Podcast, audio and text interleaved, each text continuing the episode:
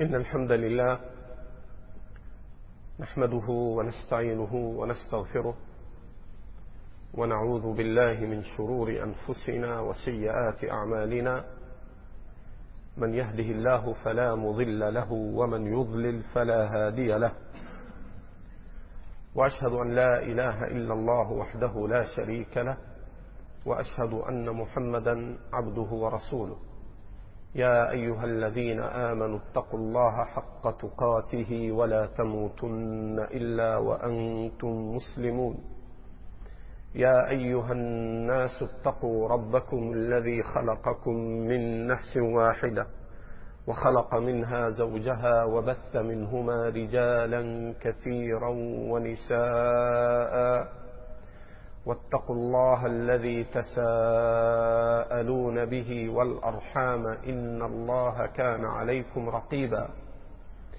يا أيها الذين آمنوا اتقوا الله وقولوا قولا سديدا. يصلح لكم أعمالكم ويغفر لكم ذنوبكم. ومن يطع الله ورسوله فقد فاز فوزا عظيما. أما بعد. فقد انتهينا أمس ولله الحمد والمنة من قصة نبي الله يوسف عليه الصلاة والسلام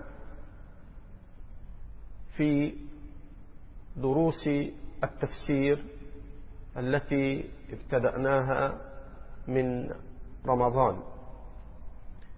وبقيت آيات من سورة يوسف نختم بها إن شاء الله هذه السورة المباركة. ووصلنا إلى قول الله جل وعلا بعد أن قص ربنا عز وجل قصة نبيه يوسف عليه الصلاة والسلام ووصف ذلك بقوله تعالى نحن نقص عليك أحسن القصص. فبعد أن تمت القصة قال الله جل وعلا ذلك من أنباء الغيب نوحيه إليك وما كنت لديهم إذ أجمعوا أمرهم وهم يمكرون. ذلك اسم إشارة يعود لكل ما ذكر. ذلك الذي قصه الله علينا من أول السورة إلى انتهائها من قصة يوسف عليه الصلاة والسلام من ابتدائها إلى انتهائها من أنباء الغيب من أخبار الغيب. الأنباء مفردها نبأ عما يتساءلون عن النبأ العظيم الخبر العظيم. قالت من أنبأك هذا؟ قال نبأني العليم الخبير. من أخبرك بهذا؟ قال نبأني العليم الخبير. ذلك من أنباء الغيب. هو الغيب الذي ما كان يعلمه النبي عليه الصلاة والسلام فهو غيب لا يعرفه ولم يطلعه عليه إلا الله. حين نتأمل في القصص يختم الله القصص بنفي علم النبي صلى الله عليه وسلم بها. لما قص ربنا قصة مريم ختمها فقال وما كنت لديهم إذ يلقون أقلامهم أيهم يكفل مريم؟ وما كنت لديهم إذ يختصمون. إذا ما كنت موجودا لتدرك هذه التفاصيل وإنما هي من غيب الله لك. لما قص قصة موسى ختمها فقال وما كنت ثاويا في أهل مدين تتلو عليهم آياتنا وقال وما كنت بجانب الغربي إذ قضينا إلى موسى الأمر وما كنت من الشاهدين. وقال وما كنت بجانب الطور إذ نادينا. ما فائدة هذا النفي؟ ما كنت موجودا في إلقاء الأقلام في قصة مريم؟ ما كنت موجودا عند الطور ما كنت موجودا في مدين ما كنت موجودا في قصة يوسف مع إخوة يوسف وما كنت لديهم ما كنت موجودا معهم. معلوم أنه لم يكن موجودا. فما المستفاد من هذا النفي؟ وقد علم هذا النفي بدون أن ينفى. فهذه أجيال وقرون مضت. فمعلوم أنه لم يكن موجودا.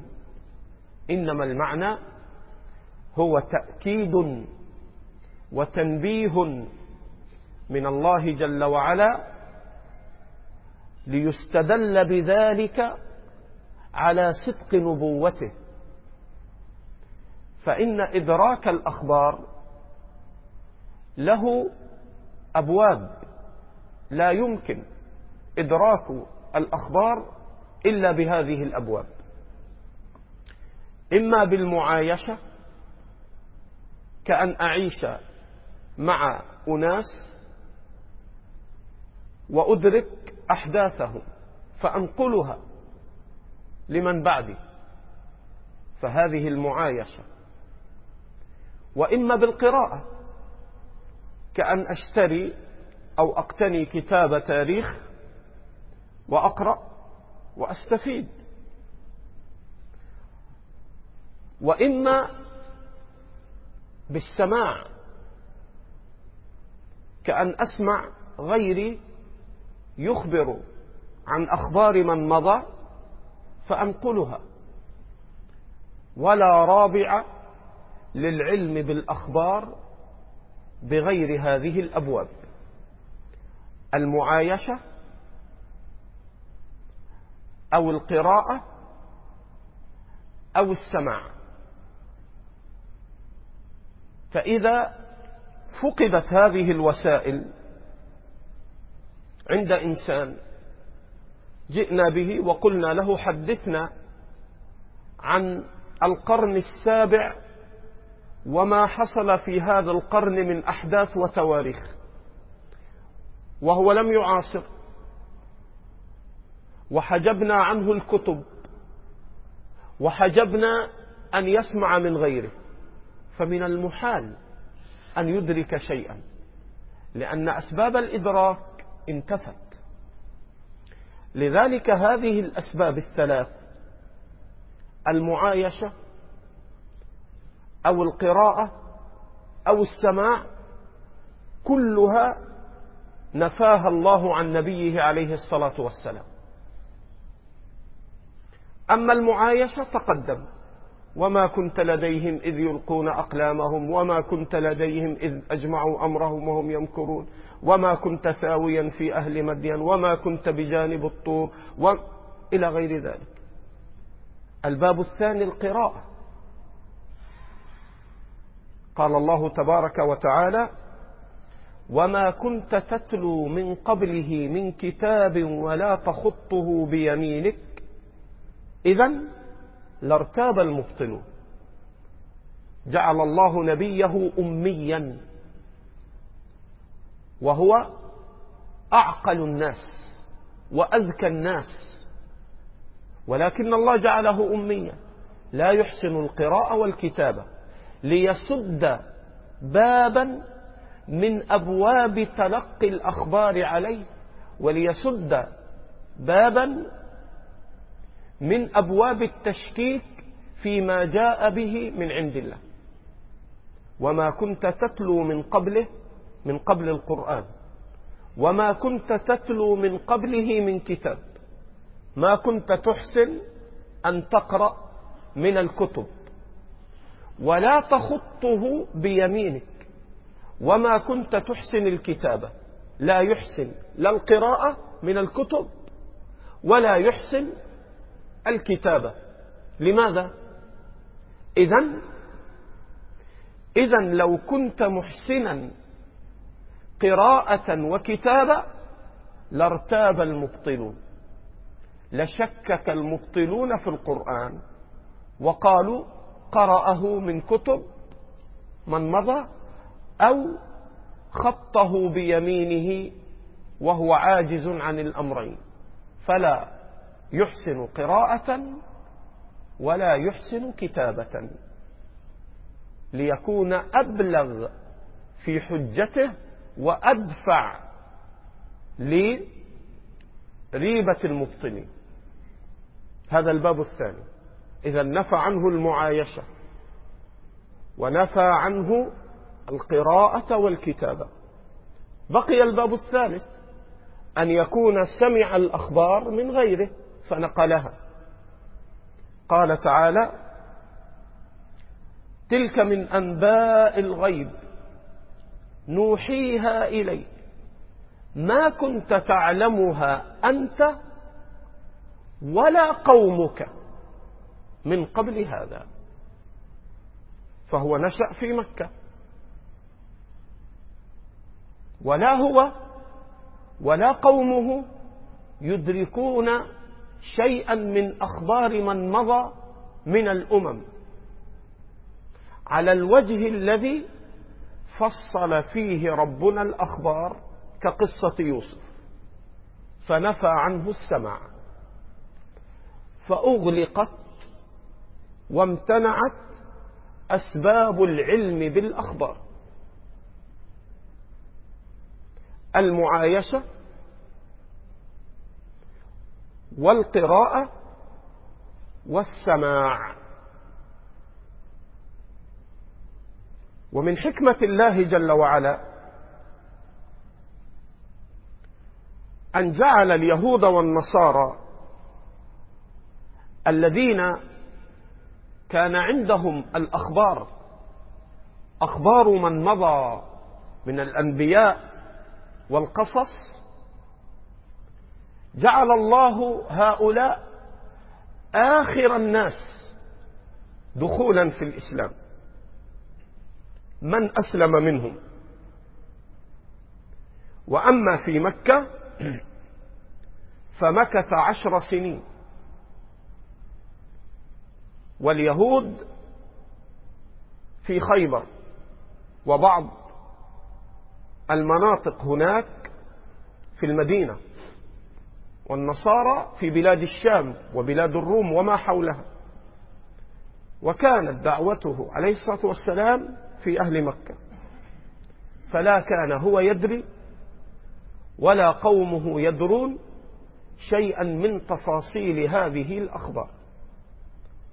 فصار إخباره بها عليه الصلاة والسلام مع فقد أسباب العلم الثلاثة من البينات الواضحات على أن ما أخبر به من تلك التفاصيل إنما هو من وحي الله تبارك وتعالى.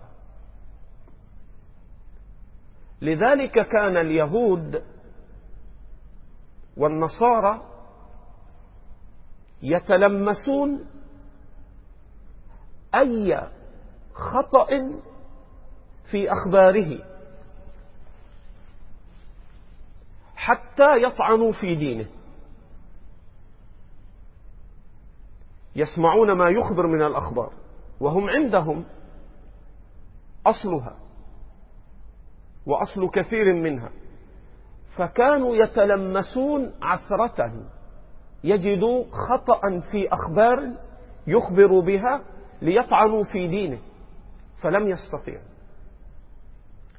ومما يوضح لك كيف كان حرصهم على تلمس خطأ في خبره.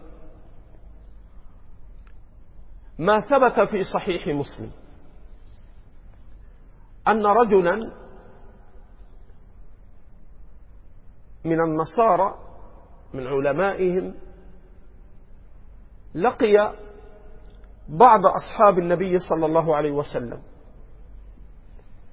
فقال له إنكم تقرؤون في كتابكم يا أخت هارون.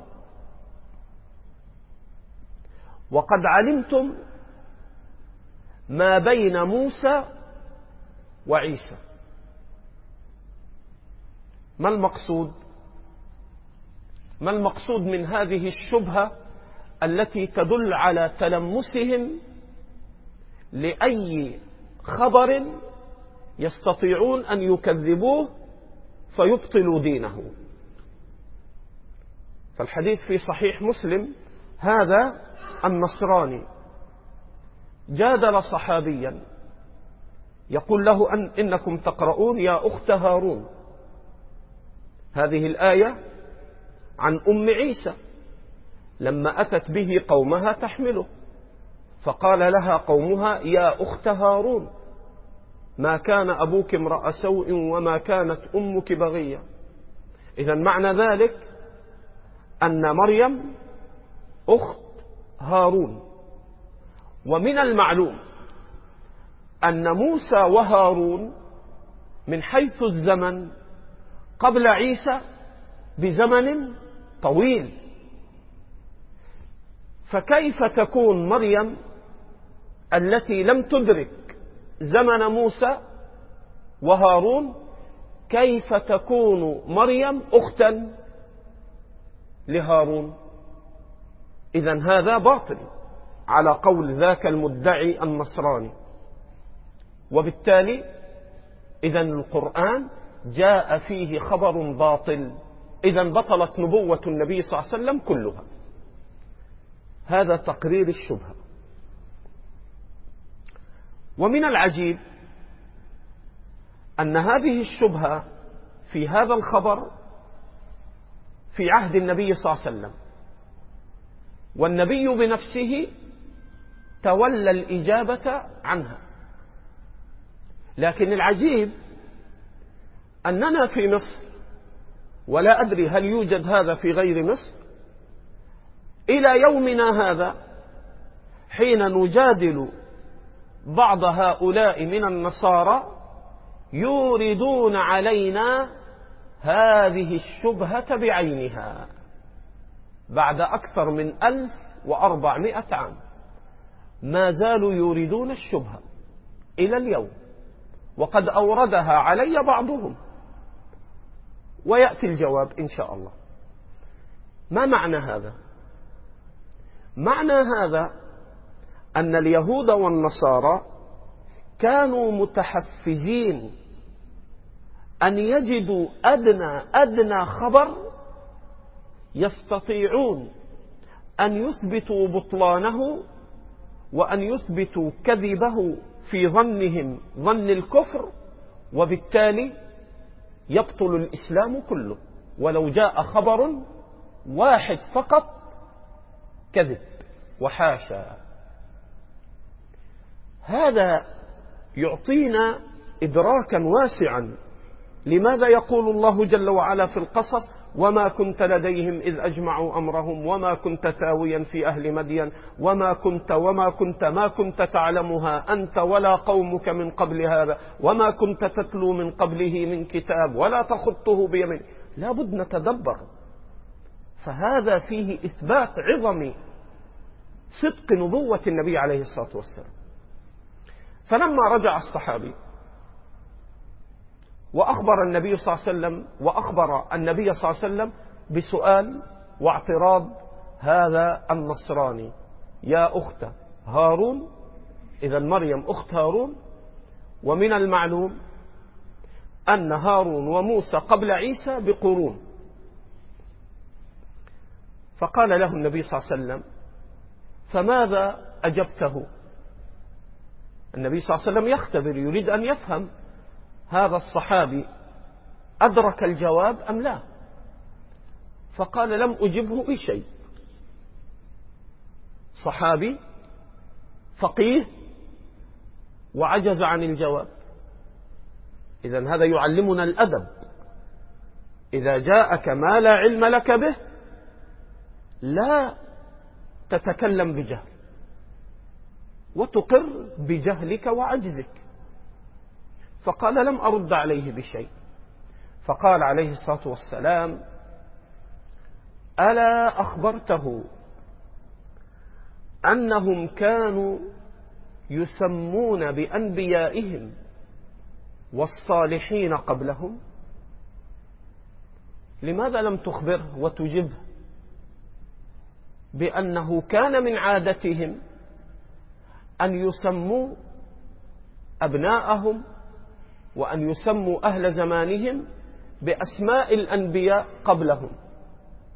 مثلنا الآن نسمي محمد إبراهيم إسماعيل يوسف فنسمي أبناءنا على أسماء من مضى من الأنبياء والرسل. فالنبي يقول له ألا أخبرته؟ ألا أخبرته؟ بأنهم كانوا يسمون بأسماء أنبيائهم والصالحين قبلهم. إذا معنى ذلك هي أخت هارون ولكن ليس هارون النبي بل هذا هارون كان مسمى على اسم نبي الله هارون أخو عيسى. ليس أن أخو موسى ليس أن هارون الذي هو أخ لمريم هو هارون النبي وإنما مسمى على اسم نبي الله هارون. لذلك في الكتاب المقدس المعتمد عند النصارى الآن وهو ينقسم إلى قسمين العهد القديم ويبدأ من سفر التكوين وينتهي إلى آخر أسفاره قبل سفر لوقا ومتى ومرقس ويوحنا ورسائل بولس إلى آخره. هذا العهد القديم التوراة والرسائل التي كانت قبل عيسى. والعهد الجديد الذي هو الإنجيل. منذ أن ظهر نبي الله عيسى مع رسائله ورسائل تلاميذه يوحنا ومرقس ومتى إلى آخره. مجموع العهدين يسمى عند النصارى في الكتاب المطبوع الآن في العالم في مصر في أوروبا في بلاد الشام لدى النصارى يسمى بالكتاب المقدس. فيشمل العهد القديم التوراة مبتدأ بسفر التكوين إلى آخره والعهد الجديد مبتدأ بمولد المسيح عليه الصلاة والسلام إلى آخر الرسائل وهو الإنجيل وما يتبعه من رسائل. مجموعهما يسمى الكتاب المقدس. في هذا الكتاب التنصيص عندهم أن مريم كان لها أخا اسمه هارون. كما نطق به القرآن. فذاك المعترض الذي اعترض على الصحابي جاهل بكتابهم وجاهل بكتابنا. إذا ما المقصود من هذا المثال؟ المقصود أن ندرك أن أهل الكفر قديما وحديثا كانوا يتكلفون تتبع أخبار القرآن ويتكلفون التفاصيل التي يخبر بها القرآن لينفذوا من خلالها إلى تكذيبه. بعض هؤلاء العلماء علماء النصارى قديما وحديثا لما درس القرآن أخباره لينفذ منها إلى الطعن بالقرآن وإلى الطعن بنبوة النبي عليه الصلاة والسلام آل الأمر ببعض هؤلاء العلماء منهم أن يسلم. إذ أنه دخل بحنق يتكلف تتبع الأخبار ويتتبع تفاصيلها ثم لا يجد منفذا وهو يعلم ما تقرر من التواتر. تواتر عن النبي صلى الله عليه وسلم أنه كان أميا لا يحسن قراءة ولا كتابة ولا أنه كان يدري هو وقومه تلكم الأخبار ولا أنه عايشها ثم يخبر بأدق تفاصيلها ويخبر بأدق أخبارها ولا يغلط في خبر واحد منها. من هنا جاء ما يسمى بدلائل صدق النبي منها باب الأخبار إخباره بما مضى من الأحداث التي لم يدركها لم يدركها فتدل على صدقه ونبوته عليه الصلاة عليه الصلاة والسلام. كذلك نوع آخر من الأخبار الأخبار التي أخبر أنها ستقع. وليس هذا بابنا الآن وإنما الباب الذي نتحدث عنه الأخبار التي مرت. فهذا كله من دلائل نبوة النبي صلى الله عليه وسلم فيما أخبر عن قصص من مضى من الأمم. ذلك من أنباء الغيب نوحيه إليك. وما كنت لديهم إذ أجمعوا أمرهم. فلما ذهبوا به وأجمعوا أن يجعلوه في غيابة الجب. أجمعوا أمرهم كما تقدم في السورة على أن يجعلوا يوسف في ظلمات البئر. وما كنت لديهم إذ أجمعوا أمرهم وهم يمكرون بالمكر الذي مكروه حين قالوا لأبيهم ما لك لا تأمنا على يوسف وإنا له لناصحون أرسله معنا غدا يرتع ويلعب وإنا له لحافظون. فهذا المكر الذي مكروه قبل أن يتوب الله عليهم. وما أكثر الناس ولو حرصت بمؤمنين. مع ظهور الأدلة على صدق نبوته عليه الصلاة والسلام ومع ظهور البرهان على أنه نبي الله حقا وصدقا فأكثر الناس يعيشون في الكفر. وإن تطع أكثر من في الأرض يضلوك عن سبيل الله. وما أكثر الناس ولو حرصت بمؤمنين. مهما حرص الإنسان على هداية الناس فإن الله قدره سابق نافذ. وإنما أقل الناس هم أهل الإسلام. وأكثر أهل الأرض هم أهل الكفر. في كل زمان وهذا مما قدره الله جل وعلا بحكمته البالغة. وما أكثر الناس ولو حرصت بمؤمنين. وما تسألهم عليه من أجر.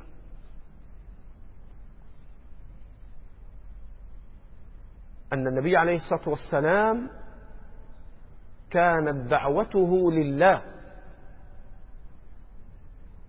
وجميع الأنبياء والرسل. لم يسألوا أقوامهم دنيا على دعوتهم للتوحيد. فالله جل وعلا أذهب عن الأنبياء أسباب نفرة الأمم من قبول دعوتهم. فلو أن الأنبياء ضمنوا من دعوتهم أن يسألوا الخلق أجرا على هذه الدعوة لنفر الخلق ولم يقبلوا منهم دعوتهم لأنهم يرون أن هؤلاء الأنبياء يريدون دنياهم. فلذلك جميع الأنبياء يقول لقومه وما أسألكم عليه أجرا وما أسألكم عليه من أجر. يدعوهم إلى الله لا يريد نفعا من دنياهم. وهذا الذي ينبغي عليه أهل العلم حين يوصلون العلم للناس أن لا يسألوا الناس دنياهم. بل الواجب على العالم أن يبذل علمه دون مقابل إنما يبذله لله عز وجل. ولذلك لما جاء الصحابي رضي الله عنه ومعه قوس عبادة بن الصامت قال ما هذه؟ قال قوس أعطانيها رجل من الأنصار على تعليمه سورة من القرآن. علمته سورة فأعطاني قوسا. فقال النبي صلى الله عليه وسلم قوس من نار. قال عبادة أو غيره من الصحابة فرددتها. قال جماعة من أهل العلم وفي هذا دليل على أنه لا يجوز أخذ الأجر على تعليم القرآن. وأما حديث البخاري إن أحق ما أخذتم عليه أجرا كتاب الله إن أحق ما أخذتم عليه أجرا كتاب الله أو كما قال عليه الصلاة والسلام رواه البخاري فذاك في الرقية. ولذلك بوب عليه الإمام البخاري باب أخذ الأجرة على رقى الأعراب. وأما تعليم القرآن فلا. أما الرقية تأخذ عليها أجرا يجوز. فالله جل وعلا يبين هؤلاء كفروا مع ظهور الصدق صدق الأنبياء والرسل ومنهم نبينا ومع عدم وجود سبب ينفرهم عن قبول الحق. فالأنبياء لم يسألوا الناس أجرا على دعوتهم. وما تسألهم عليه من أجر. إن هو إلا ذكر للعالمين. فكتاب الله ذكر. وبيان وإرشاد وهدى وتفصيل للعالمين. فمن قبل هذا الذكر هدي ومن رده هلك. وإنه لذكر لك ولقومك وسوف تسألون. وما تسألهم عليه من أجر إن هو إلا ذكر للعالمين. وكأي من آية في السماوات والأرض يمرون عليها وهم عنها معرضون. آيات الله الشرعية وهي القرآن وآيات الله الكونية وهي ما خلق في السماوات والأرض مما يدل على كماله ووحدانيته وربوبيته وألوهيته. فالعبد يصل إلى الله إذا وفق للتعقل والتدبر في آيات الله الشرعية وآيات الله الكونية. قل انظروا ماذا في السماوات والأرض. وما تغني الآيات والنذر عن قوم لا يؤمنون. تتأمل في بديع خلق الله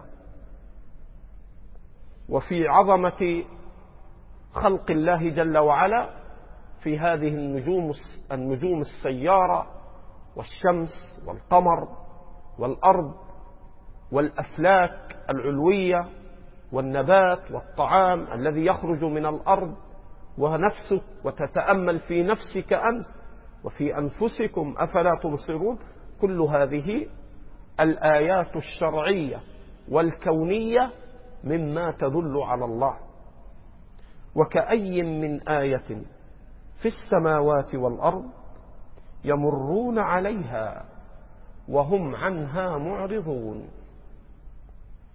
فأعرضوا عن آيات الله الشرعية وعن آيات الله الكونية. ذلك الأنبياء يحتجون على الكفار بآيات الله الشرعية والكونية. فإبراهيم يقول لملك مصر في ذاك الزمان قال إبراهيم فإن الله يأتي بالشمس من المشرق وأنت تدعي بأنك إله فأت بها من المغرب. شمس مخلوق عظمته أضعاف أضعاف مساحة الأرض. ومنذ أن خلقها الله إلى يومك هذا إلى أن تطلع من المغرب وهي منتظمة بتقدير الله جل وعلا. لا الشمس ينبغي لها أن تدرك القمر ولا الليل سابق النهار وكل في فلك يسبحون.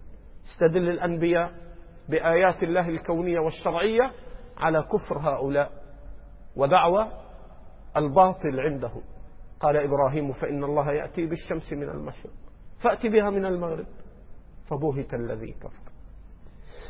وما يؤمن أكثرهم بالله إلا وهم مشركون. وما يؤمن أكثرهم بالله إلا وهم مشركون. فالمشرك يؤمن بالله. ولكن جاء كفره من الشرك. كان المشركون يؤمنون بأن الله هو الخالق الرازق المعطي. ولكن ما كانوا يؤمنون بألوهية الله إفراد الله بالعبادة. فالإيمان المثبت للكفار إيمان الربوبية أن الله هو الخالق الرازق. ولئن سألتهم من خلق السماوات والأرض ولئن سألتهم من خلقهم ليقولن الله. إذا هم يؤمنون بربوبية الله ولكنهم لا يؤمنون بألوهية الله. أجعل الآلهة إلها واحدة إن هذا لشيء عجاب. إذا حيث مر بك في كتاب الله نسبة الإيمان للمشركين فإنما المراد به إيمانهم بربوبية الله بأن الله هو الخالق.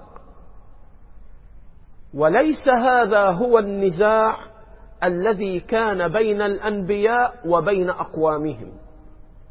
يقول شيخ الإسلام ابن تيمية لم يكن النزاع بين الأنبياء وأقوامهم في الربوبية بل كان المشركون يثبتون بأن الله هو الخالق الرازق.